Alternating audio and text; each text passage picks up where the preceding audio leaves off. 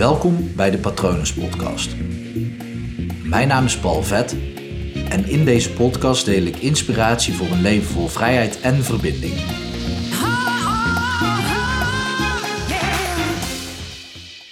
Zet jezelf op de eerste plaats, anders doet niemand dat. En dan kan je altijd de vraag stellen: niemand, Paul? En ja, helemaal zeker weten doe ik dat natuurlijk niet. Want stel, je hebt een partner, dan kan het prima zijn dat jij diegene op de eerste plaats zet en diegene jou op de eerste plaats zet. De vraag is echter, is dat slim? Het antwoord weet je denk ik wel. En natuurlijk voelt het fijn om iemand van wie je zielsveel houdt op de eerste plaats te zetten. Maar zou dan niet de juiste persoon ook gewoon jezelf moeten zijn, aangezien je zielsveel van jezelf mag houden? En er zijn meerdere redenen waarom mensen dit spannend vinden om te doen. De eerste reden is, als je jezelf niet op de eerste plaats zet, dan, ja, dan ligt je focus ook bij de ander. Want dan ga je voor anderen zorgen en dan ligt je focus dus niet bij jezelf. En dat is vaak veel veiliger om je te focussen op dingen buiten jezelf. Want op jezelf focussen, dat kan voor heel veel mensen een spannend iets zijn. Dus vandaar dat het op de, plaats, op de eerste plaats zetten van iemand anders heel veilig aanvoelt. En de tweede reden dat heel veel mensen dat doen, is omdat als jij ja, de focus, als je een ander op de eerste plaats zet, dan ga je heel veel voor diegene doen. En het voordeel van heel veel voor iemand doen is dat er altijd wat terugkomt. Dus stel dat je, ja, dat je 100 blokjes aan liefde hebt, dus jij geeft die 100 blokjes aan diegene, dan komt er misschien wel, komen er misschien wel vijf blokjes terug. En dan heb jij dus het idee, oké, ik geef heel veel liefde, dus ik krijg vijf blokjes terug. En daar ben je dan misschien wel tevreden mee. Wat heel mooi is natuurlijk om met weinig tevreden te zijn. Maar de vraag is, wat doe je als je iemand tegenkomt die jou 100 blokjes geeft? Die het jou hartstikke waard vindt om 100 blokjes te geven. Maar jij kan dat niet aan, want ontvangen, dat is heel spannend. Want als je iets aanneemt, dan moet jij dus van jezelf zeggen: Ik ben dit waard. Ik ben 100 blokjes waard. En dat is heel spannend voor heel veel mensen.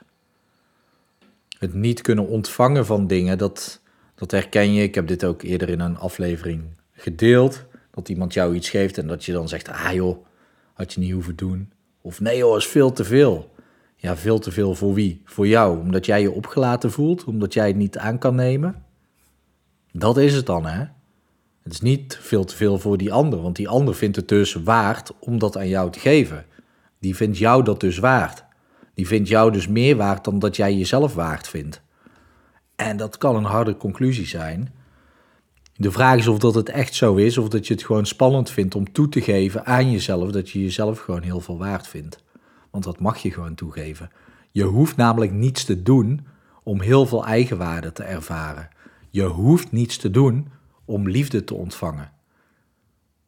Liefde hoort onvoorwaardelijk te zijn. Dus dat betekent dat er geen voorwaarde aan zit om liefde te kunnen ontvangen.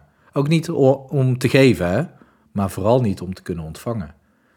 En laat dat besef maar eens goed tot je doordringen. Dat jij gewoon niks hoeft te doen om heel veel liefde te ontvangen.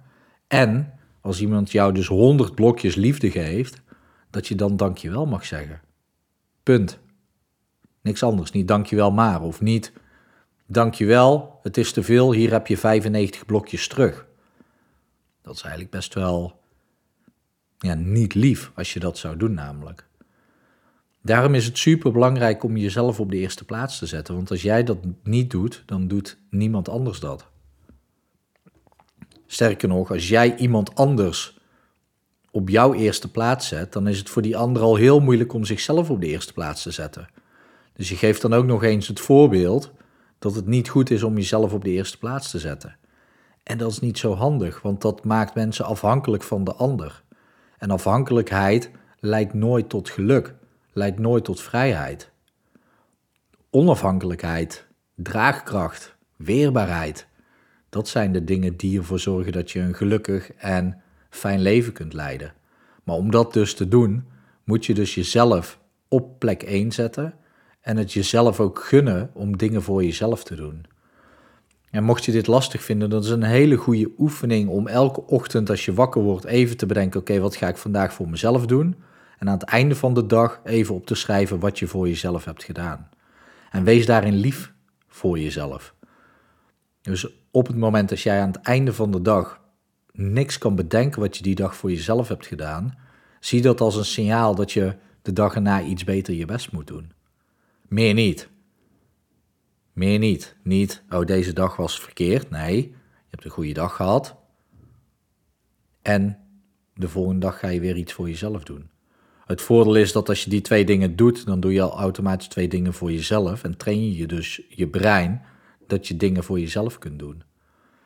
Als je dan ook nog bewust van wordt dat er echt wel meerdere dingen op een dag zijn die je voor jezelf doet, op bewust niveau, dus op het moment dat je daar bewust van bent, dan snap je dat je jezelf op sommige momenten al op de eerste plaats zet. Heel simpel voorbeeld, je tanden poetsen doe je voor jezelf. Natuurlijk misschien ook wel om fris te ruiken. Als ik een uh, sessie heb met een cliënt, dan vind ik het fijn om fris te ruiken, maar eigenlijk doe ik dat natuurlijk ook voor mezelf. Naar het toilet gaan doe je ook voor jezelf. Je haren doen ook. Douchen ook. Tenzij je met je partner doucht, dan doe je het ook voor jezelf en voor de ander misschien. Maar je doet het ook voor jezelf. Een boek lezen, werken. Zo zijn er steeds meer dingen. En dan is het ook goed om eens te kijken naar, oké, welke dingen doe je voor jezelf die niet moeten, die niet bij, een, bij het gewone leven horen, zeg maar. Ik had van de week een cliënt en die, die zei, ja, ik ga dan de bloemen verzorgen. Ja, supermooi. Dat doet die cliënt echt voor zichzelf. Dat doet die cliënt echt voor zichzelf. Wat ga jij voor jezelf doen? Bewust, hè? Dus ook bij stilstaan van, hé, hey, dit doe ik voor mezelf. Dat is een goede oefening om je onbewuste te laten weten dat je jezelf echt wel op de eerste plaats zet. En dat, dat je eerst voor jezelf zorgt en vanuit daar met anderen. En dan krijg je natuurlijk de vliegtuigmetafoor dat je eerst het zuurstofmasker bij jezelf opzet voordat je anderen daarmee helpt. Want op het moment dat jij niet voor jezelf zorgt en jezelf niet op de eerste plaats zet, dan doet niemand dat. En als jij omvalt, dan kan je ook niet meer voor anderen zorgen. Goed om te herinneren. Mocht je dit super lastig vinden, stuur me dan een bericht. Je kan altijd mailen naar patronen.palvet.com.